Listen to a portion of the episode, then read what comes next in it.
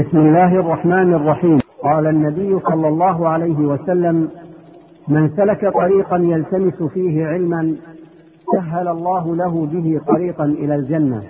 من منطلق هذا الحديث حرص إخوانكم في تسجيلات ايلاف الإسلامية في الكويت على تيسير العلم الشرعي عن طريق تسجيل الدروس العلمية والدورات المكثفة التي يلقيها العلماء الأفاضل. من داخل الكويت وخارجها. وقد قام الشيخ الدكتور وليد العلي بشرح عشرين قاعدة في أسماء الله وصفاته. وإليكم الآن الشريط الأول من هذه المادة. من الرسل بقايا من أهل العلم يدعون من ضل إلى الهدى ويصبرون منهم على الأذى يحيون بكتاب الله الموتى ويبصرون بنور الله أهل العمى فكم من قتيل لإبليس قد أحيوا وكم من ضال تائه قد هدوا. فما أحسن أثرهم على الناس وما أقبح أثر الناس عليهم. ينفون عن كتاب الله تحريف الغالين وانتحال المبطلين وتأويل الجاهلين. الذين عقدوا ألوية البدعة وأطلقوا علاج الفتنة فهم مختلفون في الكتاب مخالفون للكتاب مجمعون على مخالفة الكتاب. يتكلمون بالمتشابه من الكلام ويخدعون الجهال من الناس بما يلبسون عليهم فنعوذ بالله من فتنة المضلين. وبعد أيها الأخوة الفضلاء فإن علماء الأمة الربانيين الذين جمعوا بين العلم النافع والعمل الصالح والدعوة إلى الله تعالى على بصيرة هم شامة الإسلام والسفراء بين الأنام وبين ربهم الملك القدوس السلام وهم المفتون في مسائل الحلال والحرام. والمبينون للناس ما اشتبه عليهم والتبس من مسائل الأحكام فهم كالعافية للأجسام وكالمصابيح للظلام. وإن من بين من أقيم في أزمنة فترات القرون الماضية ليكون ببيان سنة ختم الأنبياء والمرسلين كفيلا فأوضح للأمة الحجة وبين لهم المحجة ولم يزل على ذلك حتى توفته رسل الله تعالى لا يرم عن ذلك انتقالا ولا تحويلا. أبا عبد الله محمد بن أبي بكر بن سعد الدمشقي المعروف ابن قيم الجوزية رحمه الله تعالى وهو العالم الرباني الذي حسن ذكره في حياته وجمل الحديث عنه بعد وفاته أثره باق ما بقي الدهر وآثاره مف... و... وعينه مفقودة وآثاره العلمية وسيرته المثالية بين الورى موجودة. وقد خلف الإمام ابن قيم الجوزية رحمه الله تعالى بعد وفاته للأمة تراثا تليدا وعلما فريدا فمن وفقه الله تعالى لورود مائه المعين والاستسقاء والنهل من زلال علمه الذي لم يأسن ولم يتغير بل هو لذة للشاربين. وقد أخذ من ميراثه بعد موته بحظ وافر وتعزى به بمصابه بعد موته وكان لكسره جابر. وبين يدينا أيها الإخوة الفضلاء رسالة صغيرة الحجم كبيرة الفوائد والعلم. صنفها رحمه الله تعالى في بيان ما يحتاجه أهل السنة والجماعة من قواعد أسماء الله الحسنى وصفاته العلى. وقد رأيت أيها الإخوة الفضلاء أن أقدم بين يدي هذه الكلمات في شرح هذه القاعدة العظيمة جملا في بيان ما عليه هذا الإمام الجليل والحبر النبيل من الأخلاق العلية والدرجات الثنية التي بوأه الله عز وجل إياها. وسيكون حديثنا في هذه الأمسية إن شاء الله تعالى في تناول ترجمة لهذا الإمام.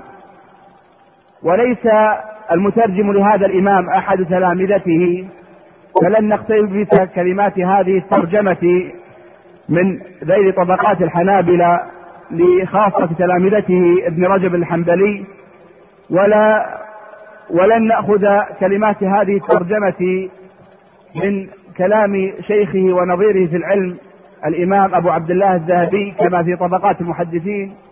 ولن نقلب صفحات البداية والنهاية لتلميذه ابن كثير ولكن سنتعرف على هذا الإمام الجليل من واقع ما كتبه وعرف به القارئ عن نفسه. فسنقتبس كلمات هذه الترجمة أيها الإخوة الفضلاء من كتب الإمام ابن قيم الجوزية رحمه الله تعالى. فأما اسمه ونسبه أيها الإخوة الفضلاء والمراد أيها الإخوة الأحباب بالاطلاع على هذه الترجمة هو الوقوف على سير هؤلاء العلماء وأنهم جمعوا بين العلم والحلم وما أحوجنا أيها الإخوة الفضلاء في هذا الزمان إلى أن نقرن بالعلم الحلم. فلسنا في هذه الأزمنة المتأخرة بحاجة إلى كثير علم بحاجتنا إلى كثير من الحلم والرفق. الذي ما كان في شيء إلا زانه وما نزع من شيء إلا شانه.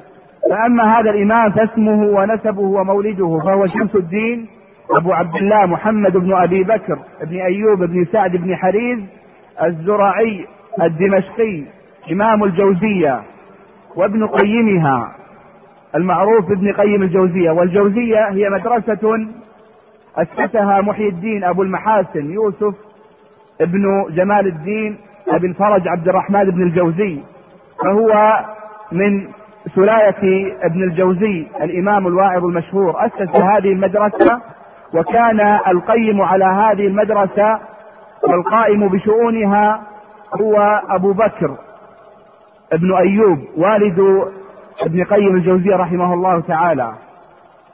وقد ولد رحمه الله تعالى في السابع من شهر صفر سنة إحدى وتسعين وستمائة من الهجرة. أما شيوخه فهم كثر وسنقتصر على من أشار إليهم في كتبه وعلى رأس هؤلاء الشيوخ تقي الدين أبو العباس أحمد بن عبد الحليم بن عبد السلام الحراني الشهير بشيخ الإسلام ابن تيمية رحمه الله تعالى.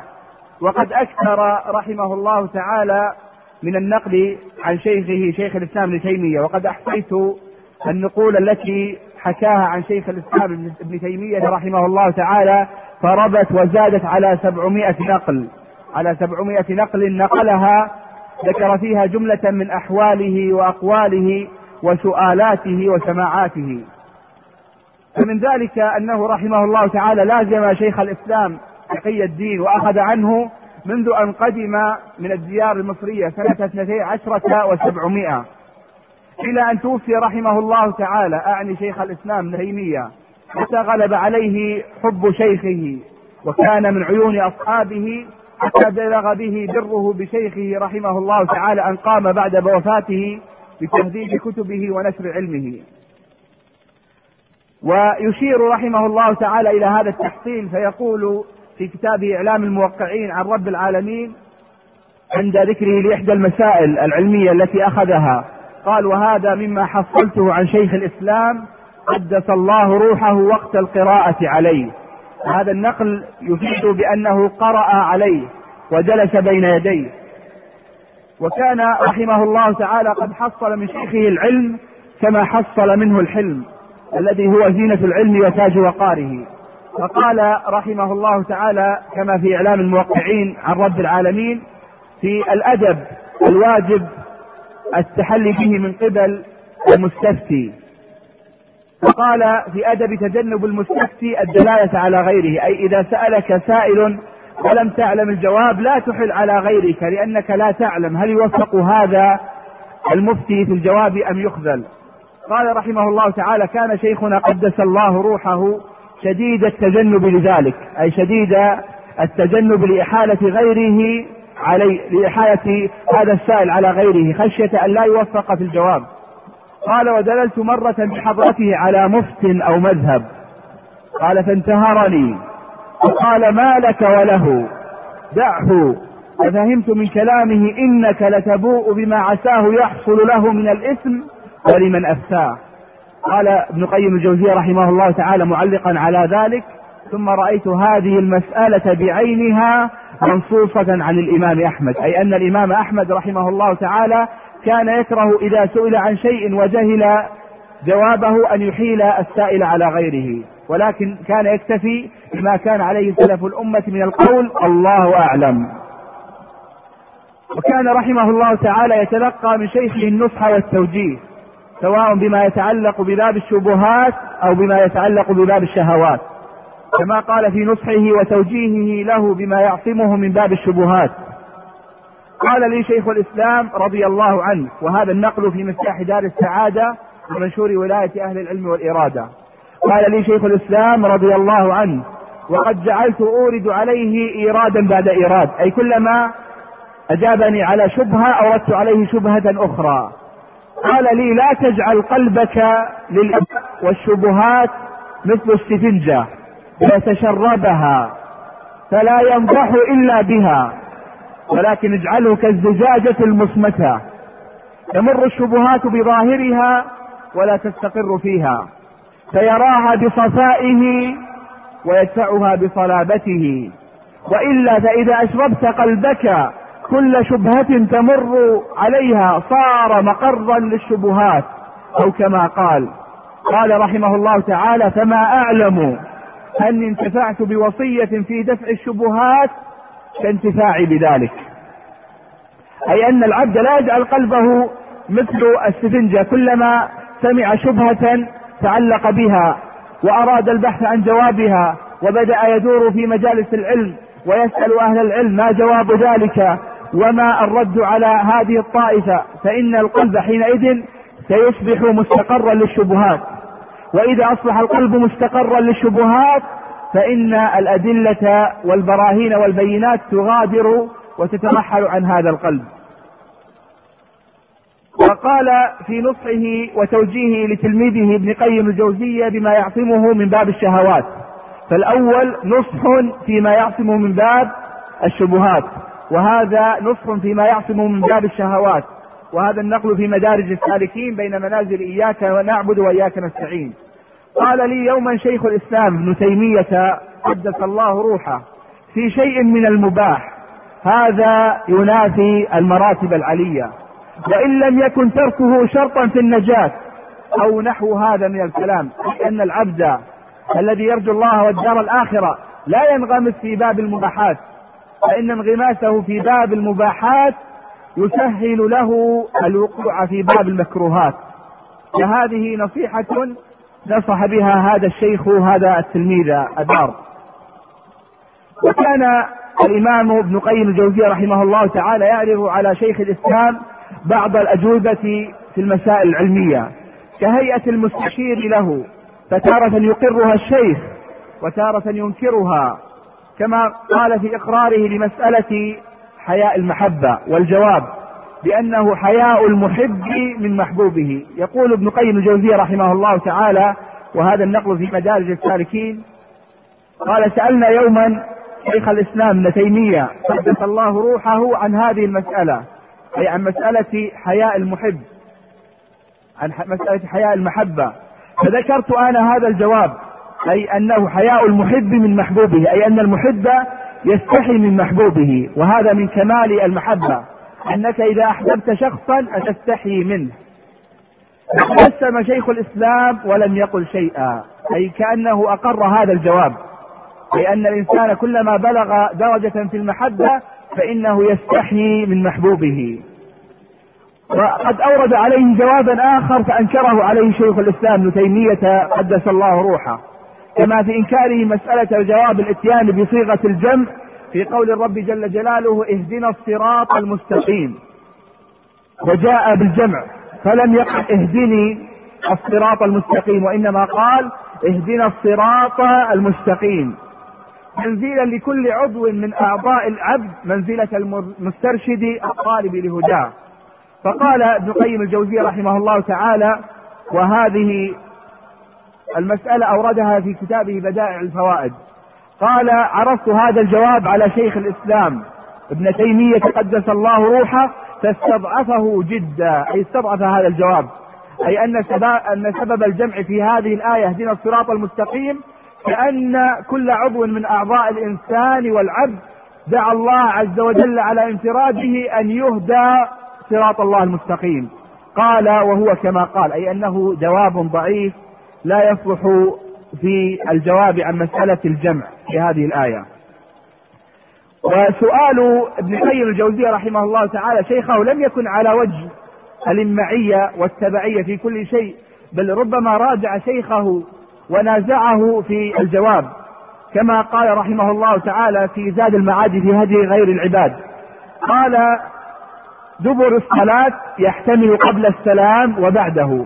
أي أن المراد في النصوص الشرعية التي جاءت في دبر الصلاة يحتمل أن يكون المراد قبل السلام وبعده. قال وكان شيخنا يرجح أن يكون قبل السلام أن يكون قبل السلام كما في الدعاء الذي علمه النبي صلى الله عليه وسلم لمعاذ بن جبل حين قال له يا معاذ إني أحبك فلا تدعن أن تقول في دبر كل صلاة اللهم أعني على ذكرك وشكرك وحسن عبادتك. قال وكان شيخنا يرجح أن يكون قبل السلام أن هذا الدعاء يكون قبل السلام. فراجعته فيه. فقال دبر كل شيء منه. كدبر الحيوان أي أن دبر كل شيء داخل فيه. داخل فيه. فيكون هذا الدعاء داخل في الصلاة. فيكون قبل السلام وليس بعده. وهذه المساءلات والمراسلات العلمية لم تنقطع أبدا. لم تنقطع أبدا حتى في آخر عمر شيخ الإسلام رحمه الله تعالى حيث قال في تحققه بالمسكنة والفاقة والمذلة قال كما في هذا النقل الذي نقله في مدارج السالكين بين منازل إياك نعبد وإياك نستعين قال ولقد شاهدت من شيخ الإسلام ابن تيمية قدس الله روحه من ذلك أمرا أي من شدة المسكنة والافتقار والذلة والذلة قال من ذلك أمرا لم أشاهده من غيره. وكان يقول ما لي شيء أي أنا ليس عندي شيء ولا مني شيء أي ليس مني فائدة يستفيدها الطالب ولا في شيء أي ليس في خير يستفاد منه. وكان كثيرا ما يتمثل بهذا البيت أي كان شيخ الإسلام ابن تيمية قدس الله روحه كثيرا ما يتمثل بهذا البيت. أنا المكدي وابن المكدي. وهكذا كان أبي وجدي. أي أنا غاية أمري أن أكون حمالا لأمور الناس. وليس في خير وليس في شيء ولا مني شيء ولا عندي شيء. وكان إذا أثني عليه في وجهه يقول كلام تلميذه ابن قيم الجوزية يقول كان إذا أثني عليه في وجهه يقول والله إني إلى الآن أجدد إسلامي.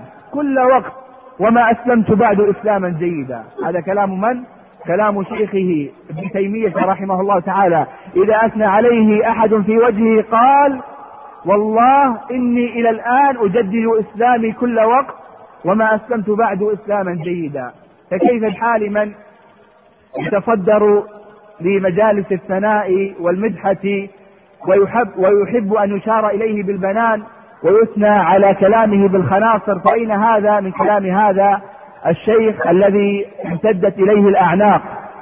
وبلغ فضله مبلغ ما بلغه أحدا من أهل زمانه. قال وبعث إلي في آخر عمره قاعدة في التفسير بخطه. بعث إلي في آخر عمره قاعدة في التفسير بخطه وعلى ظهرها أبيات بخطه من نظمه أي أنه كتب إليه رسالة ثم ختمها بهذه الأبيات. قال أنا الفقير إلى رب البريات. أنا المسيكين في مجموع حالاتي. أنا الفقير إلى رب البريات. أنا المسيكين في جميع حالاتي في مجموع حالاتي. وقد استمرت تلك المساءلات والمراسلات العلمية بينهما حتى بعد أن فرقت بينهما المحن بالسجن. فبعد أن سجن كل واحد منهما منفردا عن صاحبه وحبيبه وخليله. لم تنقطع هذه المساءلات. فإن شيخ الإسلام سجن في آخر عمره. توفي وهو مسجونا ومحبوسا في قلعة دمشق. وقد فرق بينه في السجن بينه وبين تلميذه ابن قيم الجوزية. فكان كل واحد منهما في محبس غير محبس صاحبه. قال وهو يتكلم عن مسألة فناء النار. وهذا النقل في كتاب شفاء العليل في مسائل القضاء والقدر والحكمة والتعليل. قال هذا ما وصل إليه النظر في هذه المسألة. بعد أن أورد أقوال كلا الطائفتين. أقوال من أنكر فناء النار وأقوال من قال الله عز وجل أعلم. هل تفنى هذه النار أم تبقى على حالها؟ وذكر الآثار في هذه المسألة قال هذا ما وصل إليه النظر في هذه المسألة التي بلغ فيها عقول العقلاء أي شدت عقول العقلاء في كثرة البحث عن الجواب فيها. قال وكنت قد سألت عنها يا شيخ الإسلام ابن تيمية قدس الله روحه وقال لي هذه مسألة عظيمة كبيرة ولم يجب فيها بشيء. قال فمضى على ذلك زمن حتى رأيت في تفسير عبد بن حميد الكشي بعض تلك الآثار التي ذكرت أي التي سبق الإشارة إليها. فأرسلت إليه الكتاب أي كتاب التفسير لعبد بن حميد. وهو في محبسه الآخر أي أنا في محبس وهو في محبس آخر. وعلمت على ذلك الموضع أي جعلت تحته خط أو نحو ذلك. قلت للرسول أي للسجان قل له إن هذا الموضع يشكل عليه ولا يدري ما هو. قال فكتب فيه مصنفه المشهور رحمة الله عليه وهي الرسالة التي طبعت التي أشار إليها قبل ذلك تلميذه ابن عبد الهادي في العقود الدرية من مناقب شيخ الإسلام ابن تيمية وسمها بقاعدة في الرد على من قال بفناء الجنة والنار.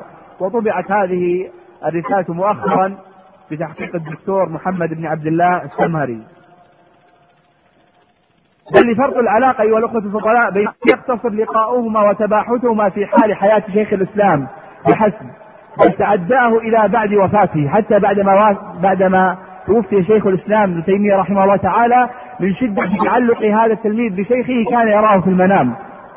وحتى رؤيته في المنام لم تكن قاصرة على مجرد السؤال بل بالتباحث في المسائل العلمية. قال رحمه الله تعالى في مدارج السالكين بين منازل إياك نعبد وإياك نستعين رأيت شيخ الإسلام ابن تيمية قدس الله روحه في المنام وكأني ذكرت له شيئا من أعمال القلب وأخذت في تعظيمه ومنفعته لا أذكره الآن. فقال أما أنا فطريقتي الفرح بالله والسرور به أو نحو هذا من العبارة.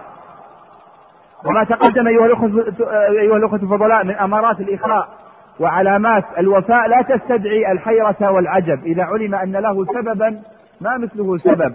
وذلك أن الله تعالى قد كتب على يد شيخ الإسلام ابن تيمية هداية تلميذه ابن قيم الجوزية إلى صراط الله المستقيم وإلى سبيل المؤمنين القويم وتخليصه من شرك المتكلمين الزميم ومرتع المتصوفة الوخيم. كما سطر الإمام ابن القيم رحمه الله تعالى أبيات الوفاء والإكرام لشيخ الإسلام عند ذكر المخالفين لطريقة أهل السنة والجماعة كما في الكافية الشافية في الانتصار للفرقة الناجية. حيث قال رحمه الله تعالى في أبيات كثيرة يا قوم والله العظيم نصيحة من مشفق وأخ لكم معواني جربت هذا كله ووقعت في تلك الشباك وكنت ذا طيران يشير إلى ما كان عليه من الابتلاء بالتصوف والزعم بأن الإنسان يطير في الهواء. حتى أتى حتى أتاح لي الإله بفضله من ليس تجزيه يدي ولساني. حبر أتى من أرض حران فيا أهلا بمن قد جاء من حران الله يجزيه الذي هو أهله من جنة المأوى مع الرضوان. أخذت يداه يدي وسار فلم يرم حتى أراني مطلع الإيمان ورأيت أعلام المدينة حولها نزل الهدى وعساكر القرآن ورأيت آثارا عظيما شأنها محجوبة عن زمرة العميان وردت رأس الماء أبيض صافيا حصباؤه كلآل التيجان ورأيت أكوابا هناك كثيرة مثل النجوم لوارد ظمآن ورأيت حوض الكوثر الصافي الذي لا زال يشخب فيه ميزانان ميزان سنته وقول إلهه وهما مدى الأيام لا ينيان والناس لا يردونه إلا من الآلاف أفرادا ذو إيمان. وردوا عذاب مناهل أكرم بها ووردتم أنتم عذاب هواني وهذا أيها الأخوة الفضلاء هذا النقل هو غيظ من فيض وقطرة من بحر وقطرة من بحر من نقول كثيرة أوردها الإمام ابن القيم الجوزي رحمه الله تعالى عن شيخه في شتى كتبه. لأني ما وردت على كتاب من كتب شيخ الإسلام ابن قيم الجوزية إلا ونقل فيه نقلا عن شيخ الإسلام ابن تيمية قدس الله روحه. وكان قبل وفاته قد رأى شيخه في المنام. وسأله عن منزلته أي أن ابن قيم الجوزية رحمه الله تعالى سأل شيخ الإسلام عن منزلته فأشار إلى علوها فوق بعض الأكابر. أي عندما قال له أين أنت يا شيخنا؟ قال منزلتي فوق بعض الأكابر. ثم قال له وأنت كدت تلحق بنا. وأنت كدت تلحق بنا ولكن أنت الآن في طبقة ابن خزيمة. أنت الآن في هذه الساعة نراك ونحن في الجنة في طبقة ابن خزيمة. رحمه الله. وهذا هذه الرؤيا أشار إليها تلميذه ابن رجب في الزيد على طبقات الحنابلة. ومن هؤلاء الأعلام الذين تلقى عنهم ابن قيم الجوزية رحمه الله تعالى العلم عماد الدين أبو العباس أحمد بن إبراهيم بن عبد الرحمن الواسطي الشهير ابن شيخ الحزاميني ابن شيخ الحزاميين رحمه الله تعالى. وهذا الرجل أيها الإخوة الفضلاء كان في مطلع عمره مبتلا بإحدى طرق التصوف لأن والده إبراهيم كان شيخا من شرو من شيوخ الطريقة في واسط وهي إحدى مدن العراق. حتى أتاح الله عز وجل له اللقاء بشيخ الإسلام تيمية. وأرشده بعد ذلك شيخ الإسلام إلى العناية بسيرة النبي صلى الله عليه وسلم. وانظر أيها الأخوة أيها الأخ الكريم إلى هذه الحكمة في الدعوة إلى الله. وكيف يجب على طالب العلم أن يكون حكيما في الدعوة. فلما رآه مبتلا بهذا التصوف وأهل التصوف مولعين بالحديث عن النبي صلى الله عليه وسلم مع النظر في مبالغتهم وغلوهم في حق النبي صلى الله عليه وسلم لما رأى هذا الشيخ غلب عليه حب النبي صلى الله عليه وسلم أرشده إلى مطالعة سيرة النبي صلى الله عليه وسلم. والعكوف عليها. فكان هذا الأمر أيها الإخوة الفضلاء سببا في هداية هذا الإمام حتى صار من أئمة الدين. قال الإمام ابن القيم الجوزية وقد ذكر هذا التتلمذ عليه في شفاء العليل. قال والذي يليق به أي الذي يليق بهذه المنزلة من منازل إياك نعبد وإياك نستعين ما ذكره شيخنا أبو العباس أحمد بن إبراهيم الواسطي رحمه الله في شرحه. يشير إلى أن هذا الشيخ رحمه الله تعالى شرح منازل السائرين منازل السائرين لشيخ الإسلام الهروي. ولكنه كما أشار ابن رجب لم يكمل هذا الشرح. وقد استفاد ابن قيم الجوزية رحمه الله تعالى من كلمات شيخه الواسطي وضمنها في المدارج. ومن هؤلاء الشيوخ شهاب الدين أبو العباس. أحمد بن عبد الرحمن بن عبد المنعم المقدسي الشهير بالشهاب العابر رحمه الله تعالى. وقد ذكر الإمام ابن قيم الجوزية رحمه الله تعالى تتلمذه عليه في أحد المواضع من كتبه كما أشار إلى ذلك في زاد المعاد في هدي خير العباد. قال أنبأنا أبو العباس أحمد بن عبد الرحمن بن عبد المنعم بن نعمة بن سرور المقدسي المعروف بالشهاب العابر فقال قال لي رجل رأيت في رجلي خلخالا. أي كأن هناك شيء يخلخل في رجلي. فقلت له تتخلخل رجلك بألم. وكان كذلك. ثم أورد جملة من الأمور التي سمع شيخه يستفتى في تعبيرها فيؤولها فتقع كأنها فلق الصبح. إلى أن قال بعد ذكره بعض تأويلات حكاها له شيخه رحمهم الله تعالى قال وهذه كانت حال شيخنا هذا ورسوخه في علم التعبير. قال وسمعت عليه عدة أجزاء ولم يتفق لي قراءة هذا العلم عليه لصغر السن واخترام المنية له رحمه الله تعالى. لأنه ما استطاع أن يبلغ منزلة علية في علم التعبير بسبب صغر سنه هو وبسبب موت شيخه في مقتبل عمره.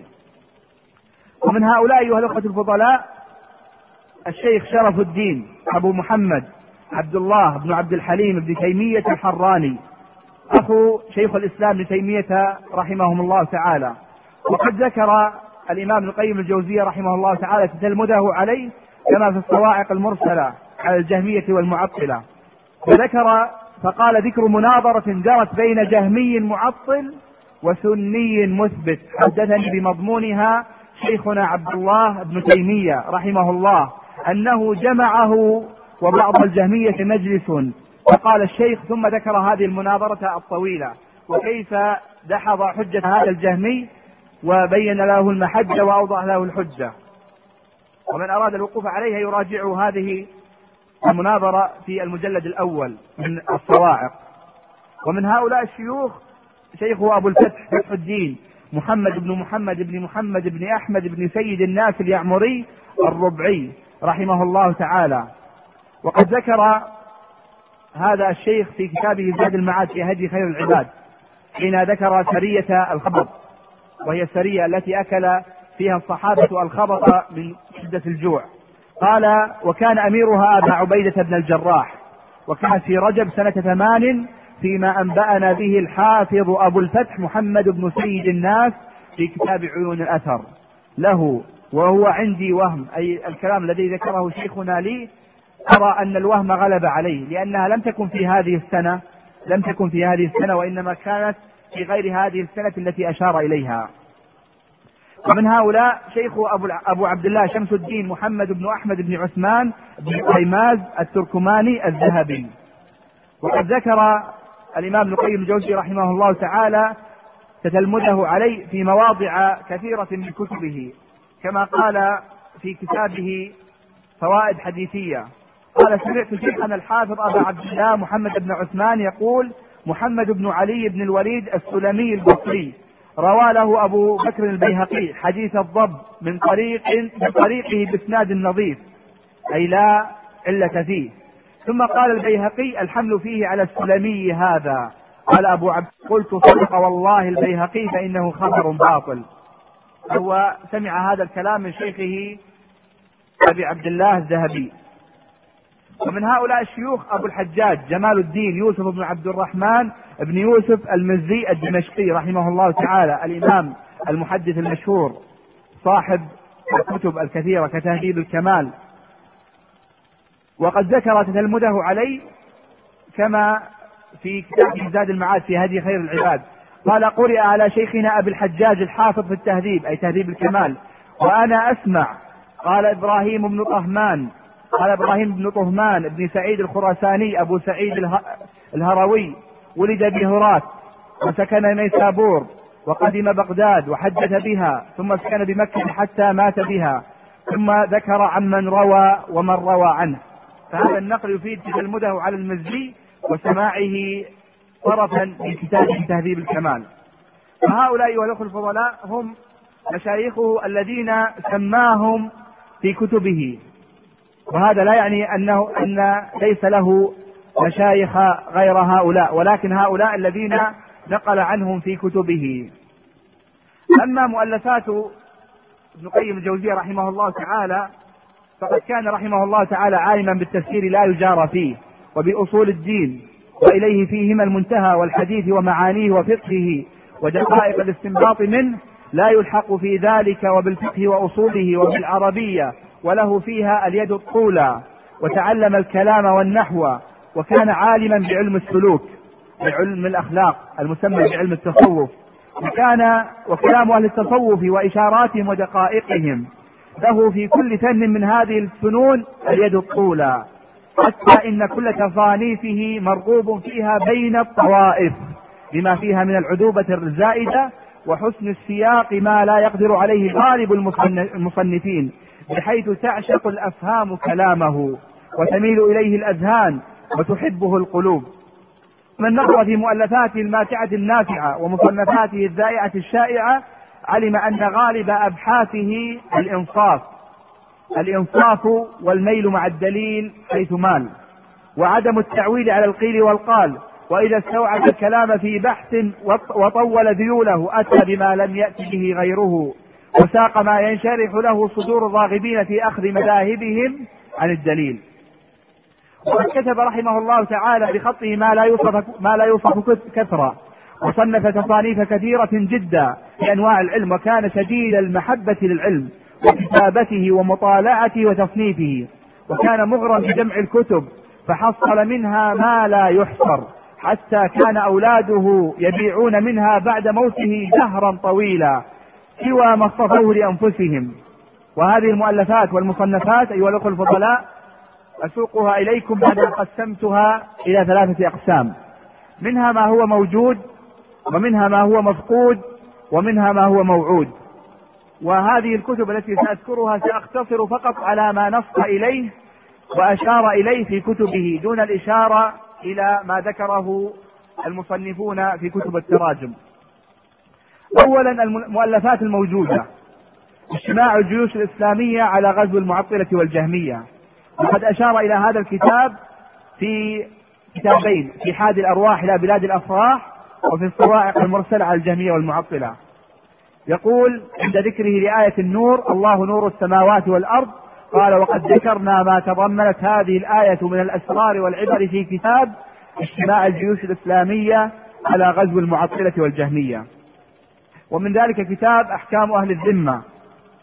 وقد أشار إليه في كتابه شفاء العليل في مسائل القضاء والقدر والحكمة والتعليل.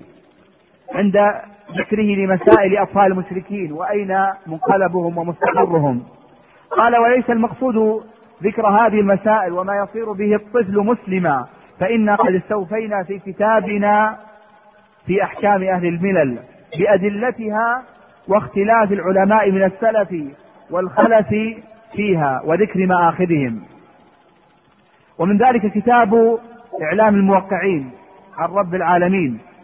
وقد ذكر هذا الكتاب في كتاب الفوائد حيث قال وقد ذكرنا هذا القياس وأمثاله من المقاييس الواقعة في القرآن في كتابنا المعالم وبينا بعض ما فيها من الأسرار والعبر.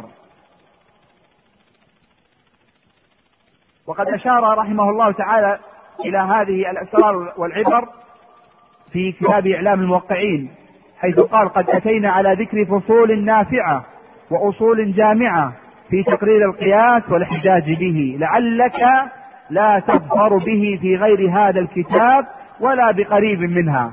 حين تناول مسألة القياس يقول لك لعلك لا تظفر بها في غير هذا الكتاب ولا بقريب منها. ومن ذلك كتابه إغاثة اللهفان في طلاق الغضبان كما أشار إليه في مجالس السالكين بين منازل إياك نعبد وإياك نستعين. قال فالغلق والإغلاق أيضا كلمة جامعة لمن انغلق عليه باب القصد.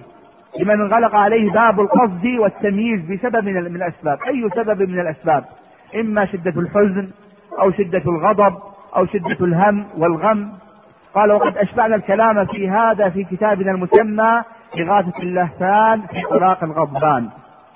ومن هذه الكتب التبيان في أقسام القرآن. وقد أشار إليه في كتابه الداء والدواء. حين ذكره بمعنى إقسام الرب جل جلاله. لماذا يقسم الرب جل جلاله بملائكته؟ لماذا يقسم بملائكته؟ قال في كتاب الداء والدواء وقد ذكرنا معنى ذلك وسر الإقسام به في كتاب أقسام القرآن. أقسام القرآن. وهذا كتاب جمع فيه كل قسم في القرآن. كل قسم أقسم الله عز وجل به في القرآن جمع هذه الأقسام وتناولها بالشرح والبيان والإيضاح.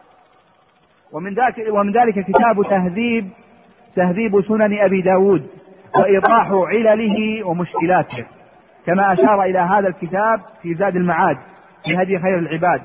حين ذكر حديث عائشة رضي الله عنها في هدي النبي صلى الله عليه وسلم وأنه كان يجرب ثم ينام ولا يمس ماء حتى يقوم بعد ذلك فيغتسل.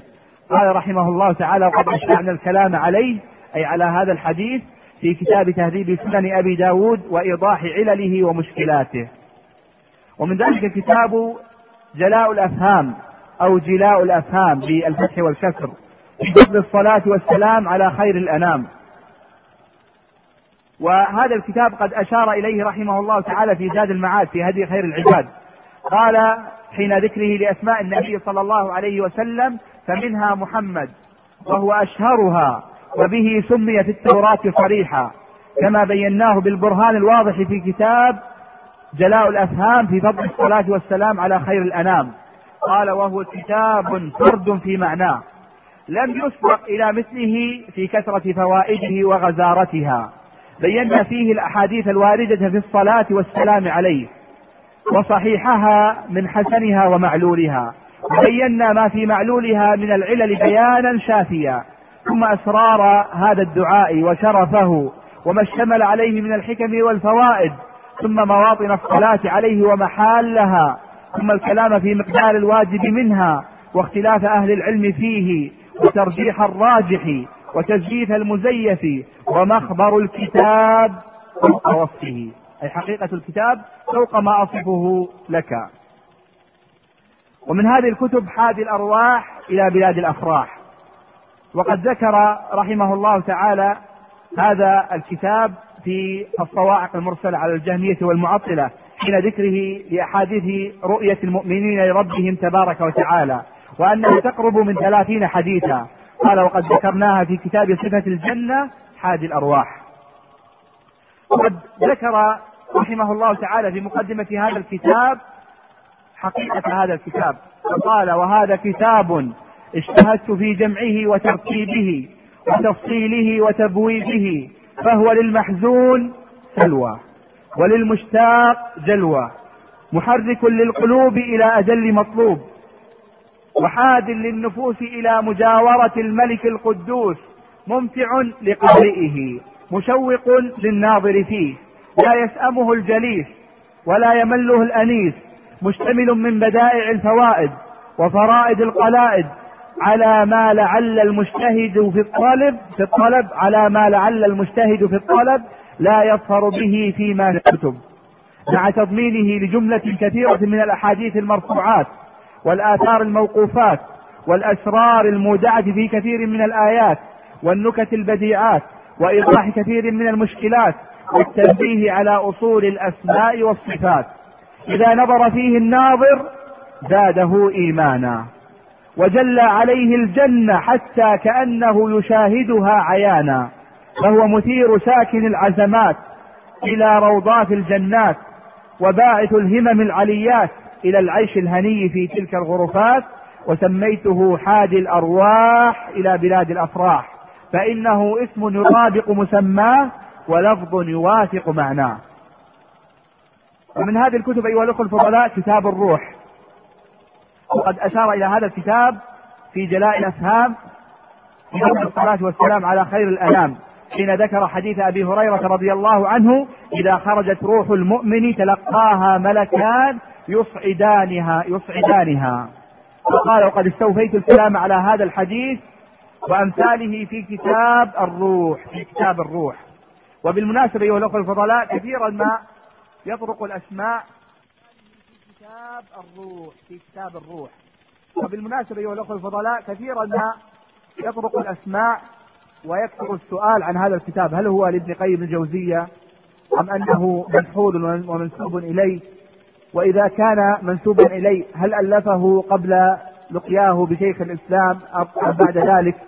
وهذا الأمر أيها الأخوة الفضلاء من قرأ هذا الكتاب علم أن هذا الكتاب هو مؤلف من مؤلفات شيخ الإسلام ابن قيم الجوزية رحمه الله تعالى وأنه ألفه بعد لقيه لشيخ الإسلام لأنه يكثر من النقل عنه يكثر من النقل عنه. ومن هذه الكتب زاد المعاد في هدي خير العباد. وقد أشار رحمه الله تعالى إلى هذا الكتاب في رسالته كشف الغطاء عن حكم سماع الغناء.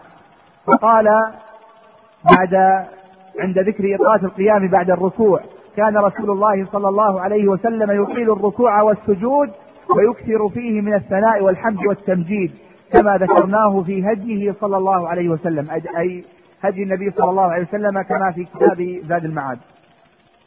وقد كشف الإمام ابن القيم الجوزية رحمه الله تعالى النقاب عن مضمون هذا الكتاب ومقصوده. فقال وليس مقصودنا إذا أردت أن تعرف وتتعرف على مقصود الإمام ابن القيم الجوزية هل أورد في الكتاب كل الأمور الواجبة أو المستحبة وما هو قصده في الكتاب؟ فيجيبك رحمه الله. قال وليس مقصودنا إلا ذكر هديه صلى الله عليه وسلم الذي كان يفعله هو فإنه قبلة القصد. وإليه التوجه في هذا الكتاب وعليه مدار التفتيش والطلب. وهذا شيء الجائز الذي لا يمكن فعله وتركه شيء. يقول أنا إذا ذكرت لك باب الشراب. أذكر لك هدي النبي صلى الله عليه وسلم. أنه كان يشرب وهو جالس. بقطع النظر هل هذا الأمر؟ أي الشرب قائما من الأمر مكروه أو جائز؟ يقول أنا أذكر لك الهدي. بقطع النظر عما يراد هذا الهدي. هل هو محرم أو مكروه أو مباح؟ يقول لأن القصد هو بيان هدي النبي صلى الله عليه وسلم.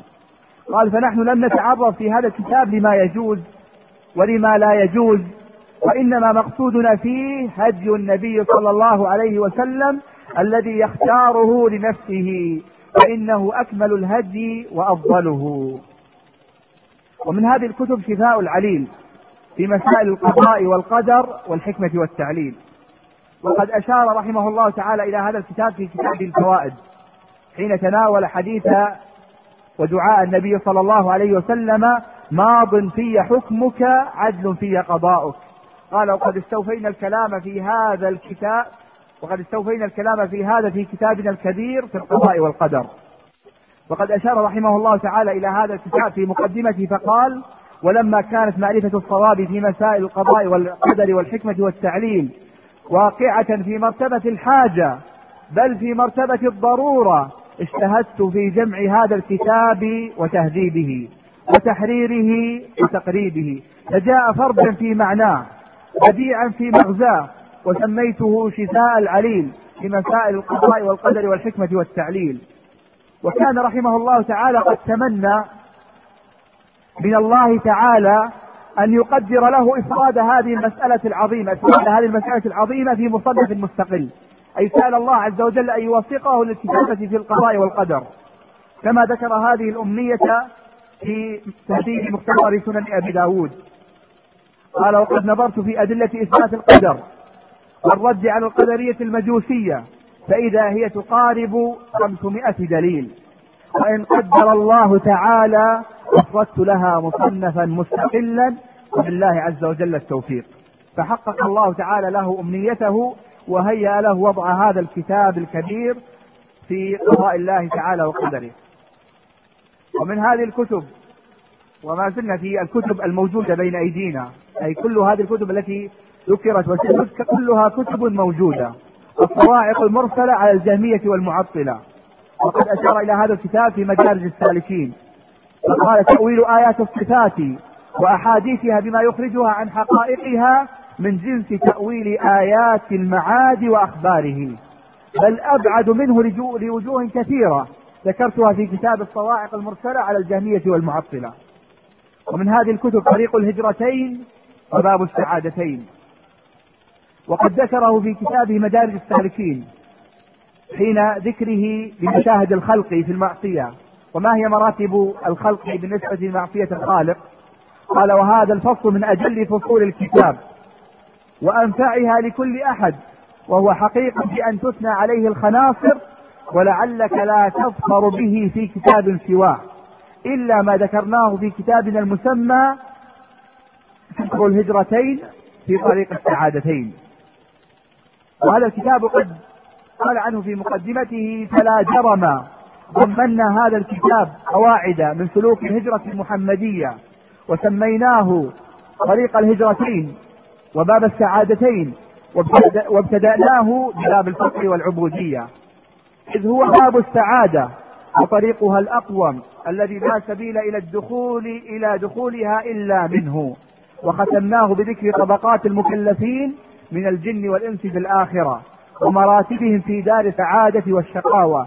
فجاء الكتاب غريبا في معناه عجيبا في مغزاه. لكل قوم منه نصيب ولكل وارد منه مشرب. ومن هذه الكتب الكافية الشافية في الانتصار للفرقة الناجية وهي المسمى بالنونية التي زادت أبياتها على ستة آلاف بيت. وقد ذكر هذا الكتاب في كتابه اجتماع الجيوش الإسلامية على غزو المعطلة والجهمية.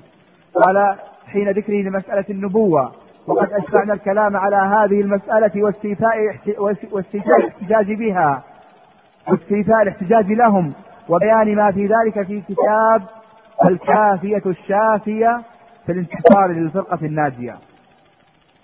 ومن هذه الكتب الموجودة مدارج السالكين بين منازل إياك نعبد وإياك نستعين.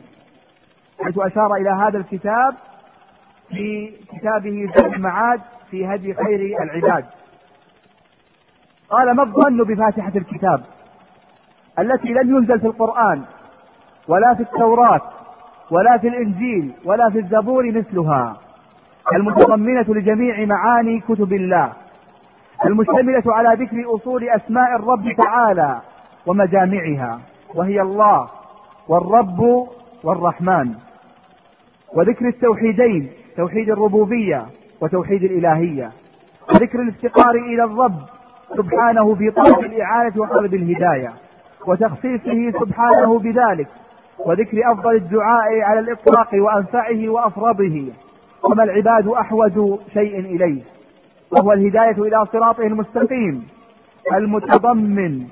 المتضمن كمال معرفته وتوحيده وعبادته بفعل ما, بفعل ما أمر به واجتناب ما نهى عنه والاستقامة عليه إلى الممات. ويتضمن ذكر أصناف الخلائق وانقسامهم إلى منعم عليه بمعرفة الحق والعمل به ومحبته وإيثاره ومقدوم عليه بعدوله عن الحق بعد معرفته له وضال بعدم معرفته له وهؤلاء أقسام الخليقة. مع تضمنها لإثبات القدر والشرع والأسماء والصفات والمعاد والنبوات وتزكية النفوس وإصلاح القلوب وذكر عدل الله وإحسانه والرد على جميع أهل البدع والباطل كما ذكرنا ذلك في كتابنا الكبير مدارج السالكين في شرحها. أي شرحنا سورة الفاتحة. كما ذكر كما ذكر رحمه الله تعالى كذلك كتابه مفتاح دار السعادة ومنشور ولاية أهل العلم والإرادة. وهذا الكتاب قد ذكره في مدارج السالكين حين ذكره لأصل نفي الحكم والتعليل قال لهذا الأصل لوازم وفروع كثيرة فاسدة أي من نفى الحكمة والتعليل في أفعال الرب الجليل. قال لهذا الأصل لوازم وفروع كثيرة فاسدة وقد ذكرناها في كتابنا الكبير المسمى مفتاح دار السعادة ومطلب أهل العلم والإرادة وبينا فساد هذا الأصل من نحو ستين وجها وهو كتاب بديع في معناه. وقد ذكر رحمه الله تعالى كتاب هداية الحيارى هداية الحيارى في أجوبة اليهود والنصارى. في أجوبة اليهود والنصارى ذكر الإشارة إلى هذا الكتاب في كتاب أحكام أهل الذمة حين ذكره للطريفة. الطريفة أيها الأخوة الفضلاء هي مبحث من مباحث أهل الكتاب وهو تحريمهم لما لصق بالرئة وهل يحل لهم أكله أم لا. قال وقد ذكرنا في كتاب هداية سبب هذا التحريم ومن أين نشأ وأن التوراة لم تحرمه وأنهم غلطوا على على التوراة في تحريمه وذكرنا نص التوراة وأنهم حملوه على غير محمله. يعني ما اكتفى بالرد عليهم بل رجع إلى التوراة وأمعن النظر فيها وتبين له أنهم أخطأوا في الفهم وأنه فهم التوراة أحسن فهما من أهل الكتاب. وقد تمنى الإمام ابن القيم الجوزية رحمه الله تعالى في كتابه زاد المعاد أن يوفقه الرب جل جلاله للرد على أهل الكتاب. فقال حين ذكره للحجة على أهل الكتاب.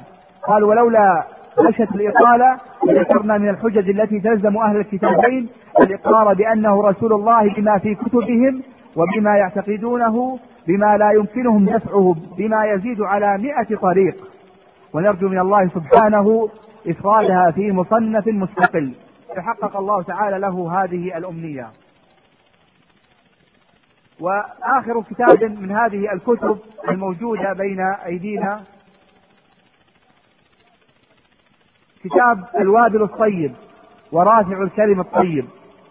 وقد ذكر رحمه الله تعالى هذا الكتاب في مدارج السالكين حين ذكره لفوائد الذكر.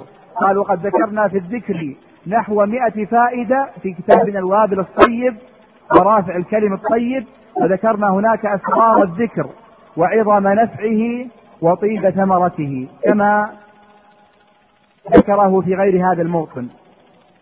ثم بعد ذلك أيها الأخوة الفضلاء ننتقل بعد ذكر الكتب الموجودة ننتقل إلى الكتب المفقودة. والكتب المفقودة هي كتب ألفها الإمام ابن القيم الجوزية رحمه الله تعالى ولكنها فقدت الآن وليست هي بين أيدينا. فمن هذه الكتب الاجتهاد والتقليد الاجتهاد والتقليد. كما أشار إليه في كتابه مفتاح دار السعادة. قال وقد ذكرت الحكمين الداودي والسليماني يقصد الحكم الذي ذكر بقوله ففهمناها سليمان وكلا آتينا حكما وعلما ووجهيهما ومن صار من الأئمة إلى هذا ومن صار إلى هذا وترجيح الحكم السليماني من عدة وجوه. وموافقته للقياس وقواعد الشرع في كتاب الاجتهاد والتقليد. ومن هذه الكتب أصول التفسير. وقد أشار إلى هذا الكتاب في جلاء الأفهام. قال وهذا كثيرا ما يأتي في تفسير ألفاظ القرآن والرسول صلى الله عليه وسلم. تفسر اللفظ بلازمها وجزء معناها كتفسير الريب بالشك. والشك جزء مسمى الريب. وتفسير المغفرة بالستر. وهو جزء مسمى المغفرة وتفسير الرحمة بإرادة الإحسان وهو لازم الرحمة ونظائر ذلك كثيرة قد ذكرناها في أصول التفسير. ومن هذه الكتب الإعلام باتساع طرق الأحكام. كما أشار إلى هذا الكتاب في إغاثة اللهفان في مصائد الشيطان. قال وقد أشبهنا الكلام في ذلك في كتاب الإعلام باتساع طرق الأحكام. ومن هذه الكتب بطلان صناعة الكيمياء كما أشار إليه في مثل قال بطلان صناعة الكيمياء وأنها عند التحقيق زغل وصنعة لا غير. وقد ذكرنا بطلانها وبينا فسادها من أربعين وجها في رسالة مفردة. ومن هذه الرسائل والكتب المفقودة بيان الاستدلال على بطلان اشتراط محلل السباق والنضال كما أشار إلى ذلك في كتاب إعلام الموقعين. وأن القول بأن التسابق في النضال لا يجوز إلا بمحلل قول باطل.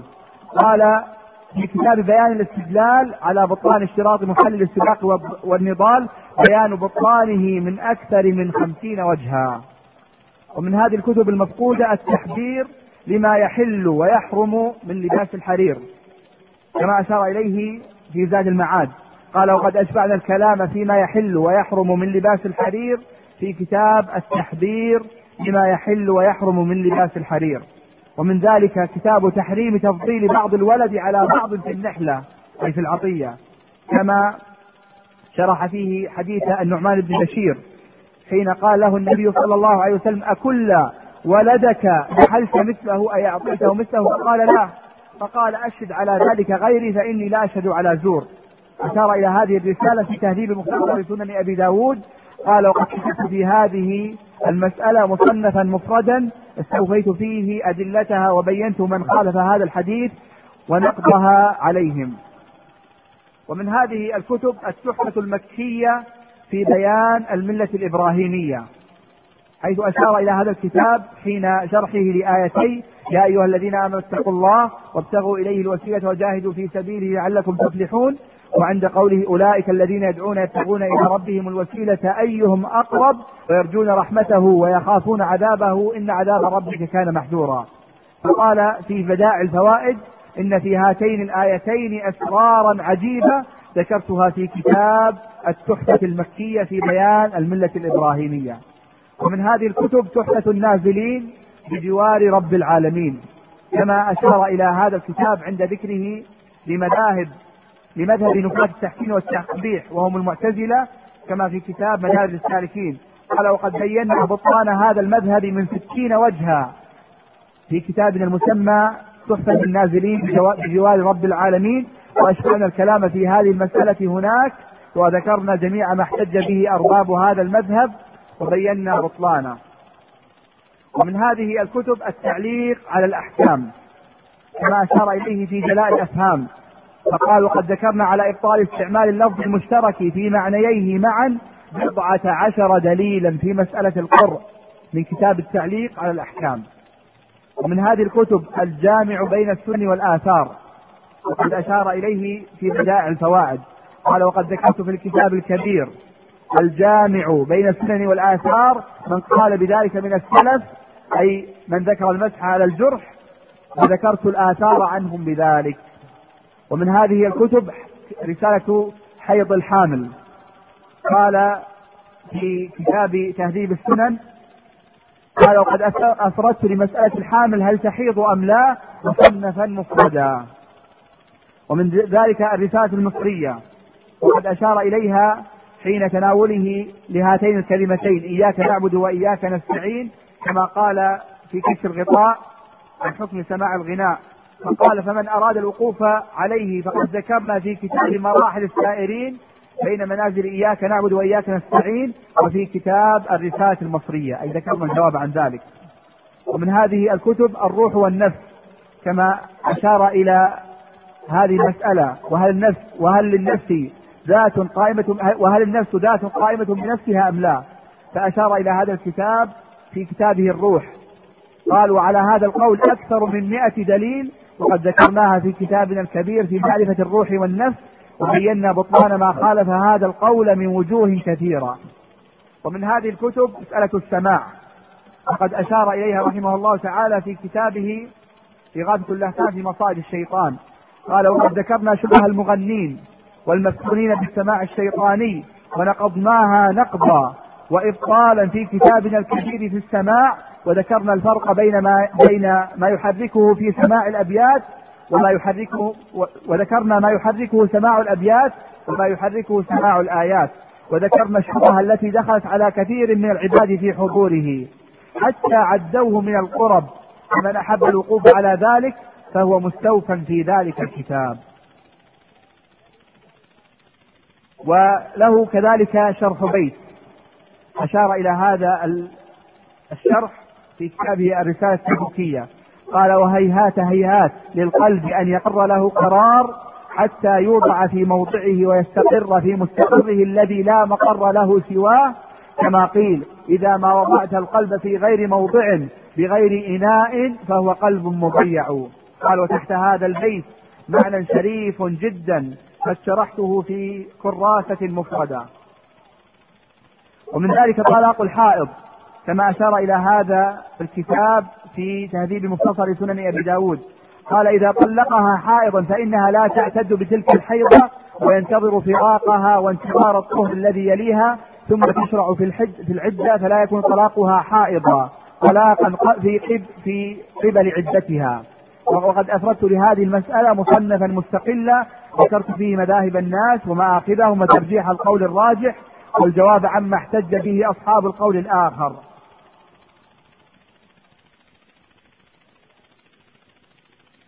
وبقي جملة من هذه الكتب نشير إليها إشارة إلى أسمائها ثم نتناولها بعد ذلك بالذكر. الفتوحات المكية والفروسية الشرعية والفطر بالحجامة وقرة عيون المحبين وروضة قلوب العارفين والمورد الصافي والظل الضافي. وهذه هي الكتب التي بقيت من الكتب المفقودة ثم بعد ذلك نشير إلى الكتب الموعودة التي وعد بتصنيفها ولا يدرى هل كانت منية أم لا. ونرجو من الأخوة الفضلاء القائمين على هذه الدورة أن يكونوا قد تهيأوا لإكمال تصوير قواعد الأسماء والصفات حتى نشرع بإذن الله تعالى في أقرب وقت في شرحها أسأل الله عز وجل لي ولكم التوفيق والسداد والهدى والرشاد وصلى الله وسلم وبارك على خير العباد. بسم الله الرحمن الرحيم. الحمد لله ذي الجلال والإكرام والنوال والإفضال والإنعام له المنن الجسام والأيادي العظام قدر مقادير الخلائق قبل أن يخلقهم بخمسين ألف عام ثم خلق السماوات والأرض وما بينهما في ستة أيام. أحمد ربي حمدا كثيرا طيبا مباركا فيه على تفرده بالإماتة والإحياء والمنع والعطاء والنقد والإبرام وأشهد أن لا إله إلا الله وحده لا شريك له الملك القدوس السلام الحي القيوم الذي لا ينام ولا ينبغي له أن ينام. وأشهد أن نبينا محمدا عبد الله ورسوله خير الأنام أفضل من صلى وزكى وصام وخير من حج واعتمر إلى بيت الله الحرام. أخرج الله به الناس إلى النور بعد تقلبهم في حنادث الظلام ودعاهم إلى الجنة دار السلام. صلى الله وسلم عليه وعلى آله وأزواجه وأصحابه الكرام. صلاة وسلاما متعاقبين ما تعاقبت الليالي والأيام. أما بعد أيها الأخوة الفضلاء فبين يدينا رسالة صغيرة الحجم كثيرة الفوائد والعلم.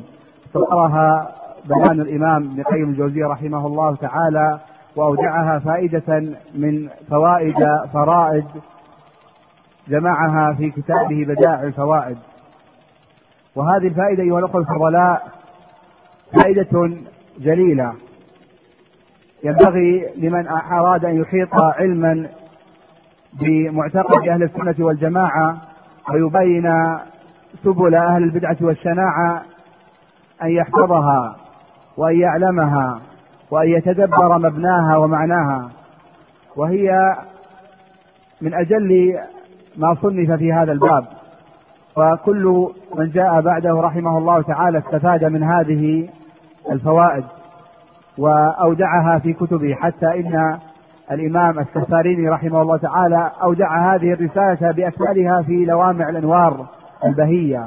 وسواطع الأسرار الأثرية في شرح الدرة المضية في عقد الطائفة المرضية. وكذلك الشيخ الجليل والعالم النبيل أبو عبد الله محمد بن صالح العثيمين رحمه الله تعالى إنما استفاد كتابه القواعد المثلى في أسماء وصفات الله العلى من هذه الرسالة. فكان اتكاؤه في تحرير رسالته رحمه الله تعالى إنما على كلمات هذه الرسالة. ونسأل الله عز وجل أن ينفعنا بها وأن يوفقنا للعمل بما فيها. بسم الله الرحمن الرحيم. الحمد لله رب العالمين. وصلى الله وسلم وبارك على إمام المرسلين نبينا محمد وعلى آله وصحبه وسلم تسليما كثيرا إلى يوم الدين. قال شيخ الإسلام ابن القيم رحمه الله فائدة جليلة ما يجري صلة أو خبرا على الرب تبارك وتعالى أقسام أحدها ما يرجع إلى نفس الذات كقولك ذات وموجود وشيء. نعم. حسب حسبك ذكر رحمه الله تعالى في هذه الفائدة ما يجوز أن يوصف به الرب تبارك وتعالى أو يخبر عنه جل في علاه وأن ذلك أقسام. وهذه الأقسام أيها الأخوة الفضلاء سيذكر ستة أقسام. يذكر رحمه الله تعالى ستة أقسام وهذه الأقسام كافات والموطئات بين يدي القواعد العشرين التي أسس عليها بنيان هذه القاعدة المتين. فسيتحدث رحمه الله تعالى عن ست عن ستة أقسام يجعلها كالممهدات والموطئات للقواعد التي بنى هذه الفائدة عليها. قال أحدها ما يرجع إلى نفس الذات كقولك ذات وموجود وشيء. هذه هذا القسم أيها الأخوة الفضلاء يرجع إلى ذات الرب تبارك وتعالى. وما يرجع إلى ذات الرب تبارك وتعالى إما أن يكون وصفا وهذا الوصف إما أن يكون وصف ذات أو وصف فعل. وهناك من يقسم هذه الأوصاف إلى ثلاثة أقسام وصف ذات ووصف فعل ووصف معنى كما ستأتي الإشارة بعد قليل في القسم الثاني. فذات الرب تبارك وتعالى المقدسة والعلية يخبر عنها يخبر عنها بأي خبر؟ يخبر عنها بأي خبر؟ شريطة أن لا يتضمن هذا الخبر خللا ولا زللا ولا خطلا. أي خبر يجوز للعبد أن يخبر به عن الرب تبارك وتعالى. ولا يشترط في هذا الخبر أن يكون مما جاء به الكتاب الكريم أو تكلم به الرسول العظيم في قوله القويم. وإنما يشترط أن لا يكون هذا الخبر متضمنا لأي نقص أو عيب منزه عنه الرب تبارك وتعالى. قال كقولك ذات وموجود وشيء فللعبد أن يقول هذه ذات الله أو هذا وصف لذات الله. أو يقول إن الحي يدل على أن الرب جل جلاله موجود. أو أن يقول أكرم أعظم شيء هو الله. وكل ذلك مما يجوز أن يخبر به العبد. أما ذاك فقد جاء في الصحيح قول خباب حين صلب وذلك في ذات الإله وإن يشاء يبارك بأوصال.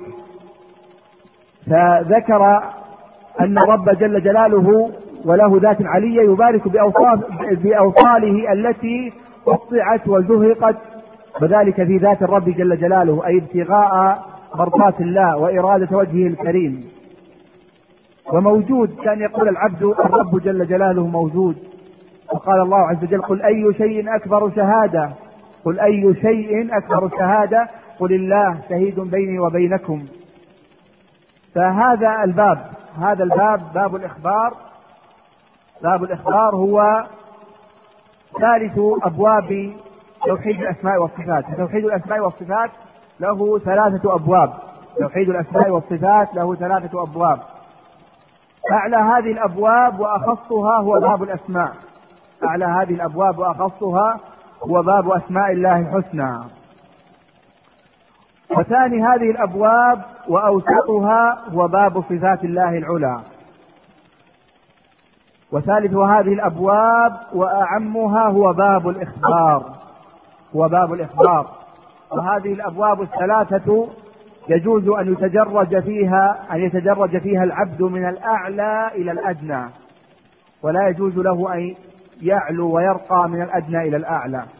معنى ذلك أن العبد إذا ثبت له بكتاب الرب تبارك وتعالى وفي سنة المصطفى صلى الله عليه وسلم اسم من أسماء الرب سبحانه وتعالى. فيجوز له حينئذ أن يسمي الرب جل في علاه بهذا الاسم وأن يصف الرب سبحانه وتعالى بهذا الاسم وأن يخبر عن الرب تعالى بهذا الخبر. فإذا ثبت عند العبد أن الرب سبحانه وتعالى من أسمائه السميع يقول الله السميع. وله أن يعبد بهذا الاسم فيسمي ابنه عبد السميع. وله أن يصف الرب تبارك وتعالى بهذا الاسم. فيقول قد سمع الله قولنا. قد سمع الله قولنا. وله أن يخبر بهذا الأمر. فيقول لا تتكلم بالسوء. لتسمع الرب جل جلاله ما يسقطك عليه ويمقتك عليه. وهذا الاسم وهذا الوصف جاء بقول الرب تبارك وتعالى قد سمع. هذا خبر. قد سمع الله قول التي تجادلك في زوجها وتشتكي إلى الله والله يسمع. هذا الوصف. تحاوركما إن الله سميع بصير. هذا الاسم. اجتمع في هذه الآية الكريمة الاسم والوصف والخبر. الاسم والوصف والخبر. اذا هذا الباب الأول.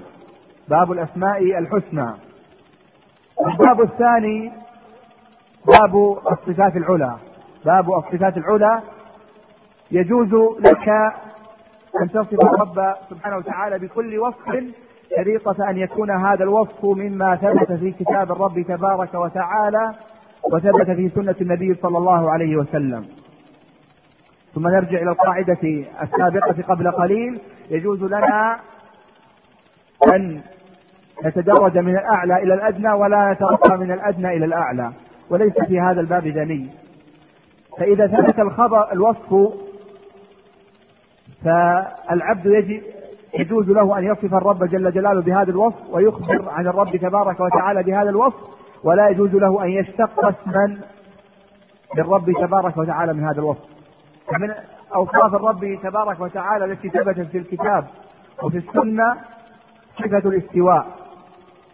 ثم استوى على العرش الرحمن فاسأل به خبيرا. ثم استوى على العرش في سبع آيات معلومات في كتاب الرب تبارك وتعالى. والعبد حينئذ يصف الرب تبارك وتعالى بالاستواء. فيقول إن الله تبارك وتعالى قد استوى على عرشه استواء يليق بجلاله. فهذا الوصف هذا الوصف صفة الاستواء. ويخبر عن الرب تبارك وتعالى كما أخبر سبحانه وتعالى عن نفسه فقال ثم استوى على العرش الرحمن. هذا إخبار من الرب تبارك وتعالى عن نفسه والعبد أن يخبر يقول استوى الله عز وجل على عرشه وخلقه. خلق العرش ثم استوى عليه. هذا إخبار العبد. فعلم من هذه القاعدة أن العبد جاز له أن ينتقل من الأعلى إلى الأدنى. ثم نأتي إلى باب الإخبار. باب الإخبار هو أن يخبر العبد عن الرب تبارك وتعالى بما لم يسم به نفسه وبما لم يسمه به نبيه صلى الله عليه وسلم. ولا يشترط في هذا الباب أعني باب الإخبار ثبوت الدليل من كتاب الرب تبارك وتعالى ومن سنة النبي صلى الله عليه وسلم. وإنما الواجب في باب الإخبار أن لا يتضمن الإخبار معنى لا يليق بذات الرب تبارك وتعالى. ومن هذا الإخبار ما ذكره لك بقوله ذات وموجود وشيء. فلا يجوز لك أن تسمي الرب تبارك وتعالى بالشيء ولا يجوز لك أن تصفه فتقول صفة الشيئية وتسميه بالموجود وتقول يشتق من هذا الاسم صفة الوجود فكل ذلك لا يليق بالرب تبارك وتعالى لأنه جاز لك الانتقال من الأعلى إلى الأدنى ولم يجوز لك الترقي من الأدنى إلى الأعلى. نعم. ثم قال رحمه الله الثاني ما يرجع إلى صفات معنوية كالعليم والقدير والسميع. نعم. قال الثاني ما يرجع إلى صفات معنوية كالعليم والقدير والسميع. وهذا بناء منه رحمه الله تعالى على تقسيم وهذا التقسيم يكثر في كلام المتكلمين.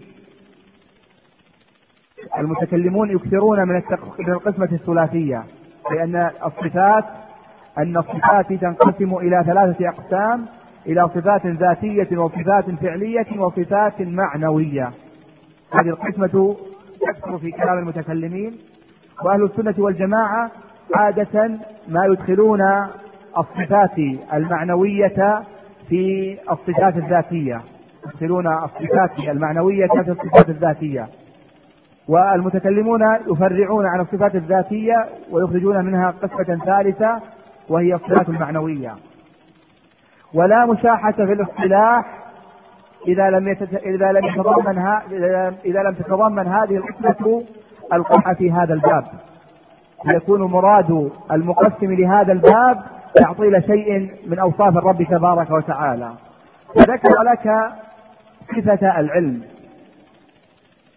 وذكر لك صفة القدرة وذكر لك صفة السمع.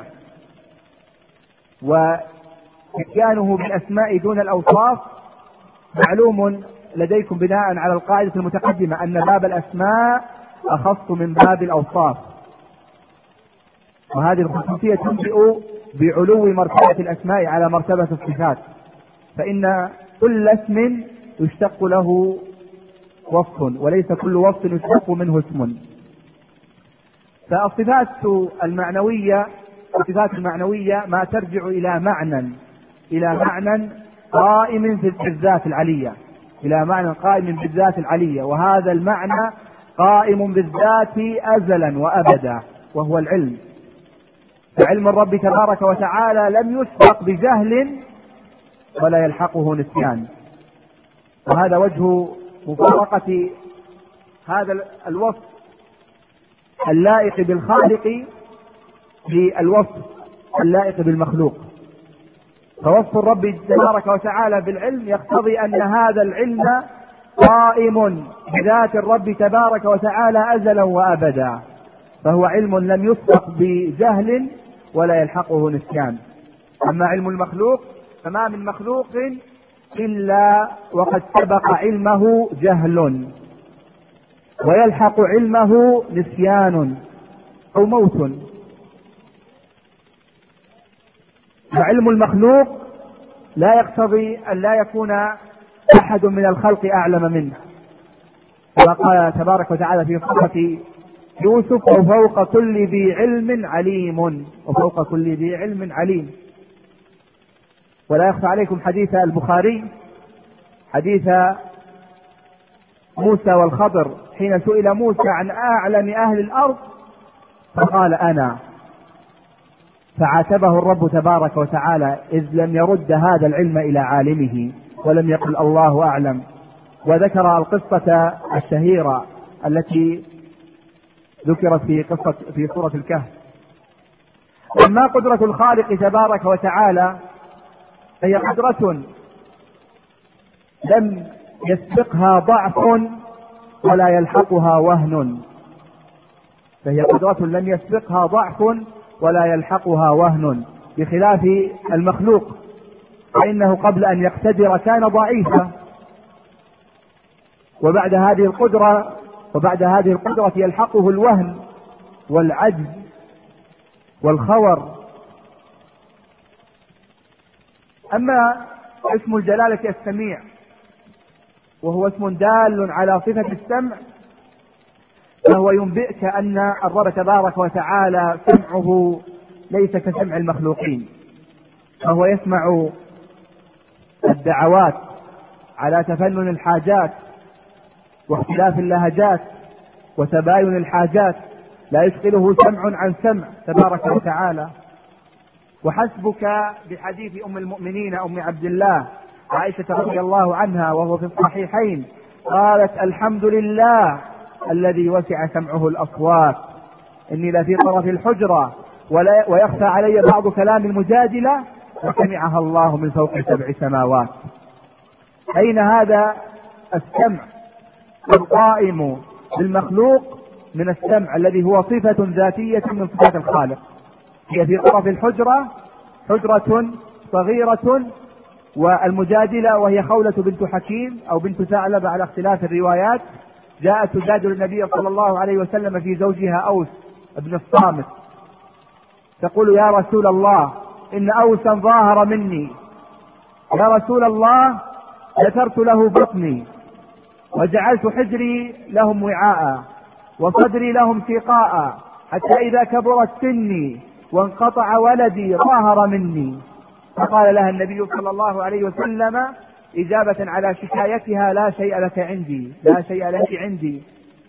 فلما علمت أن هذه هي قدرة المخلوق وجهت سهام الشكوى للخالق تبارك وتعالى فقالت اللهم إني أشكو إليك ما صنع أوس.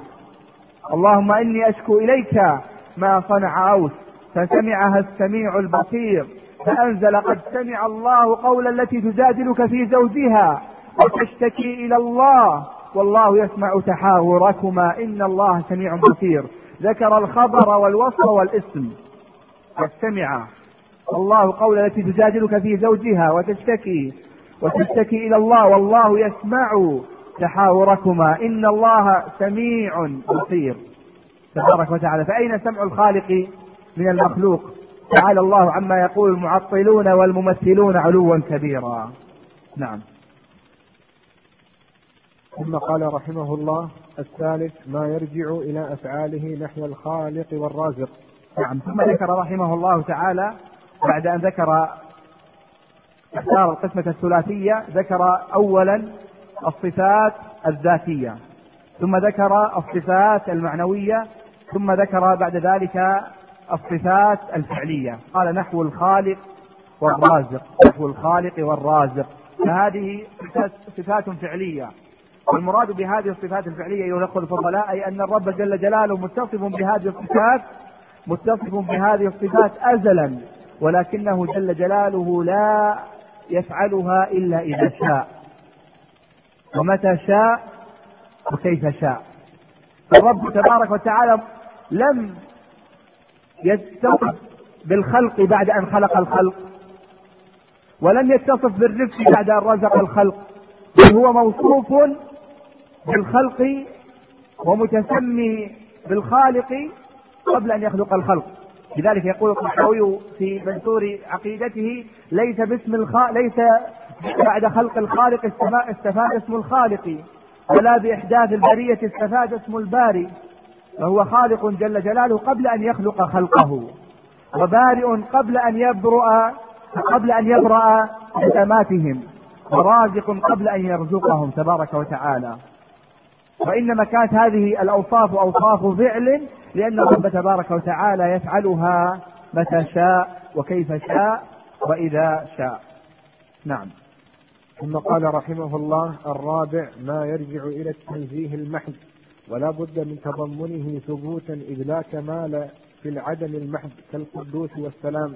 نعم. ثم ذكر القسمة الرابعة من أقسام هذه المقدمات والممهدات أن من أسماء الرب تبارك وتعالى ومن أوصافه ما يرجع إلى التنزيه المحض. لأن الرب تبارك وتعالى تسمى بهذا الاسم لينزه نفسه عما لا يليق بها عما لا يليق بها. فقال ما يرجع إلى التنزيه المحض. التنزيه المحض الذي لا يتضمن تعطيلا. فرق أيها الإخوة الفضلاء بين إثبات وتنزيه لم تكتمل مادة هذا الشريط بعد. لذا نرجو متابعتها في الشريط الذي بعده.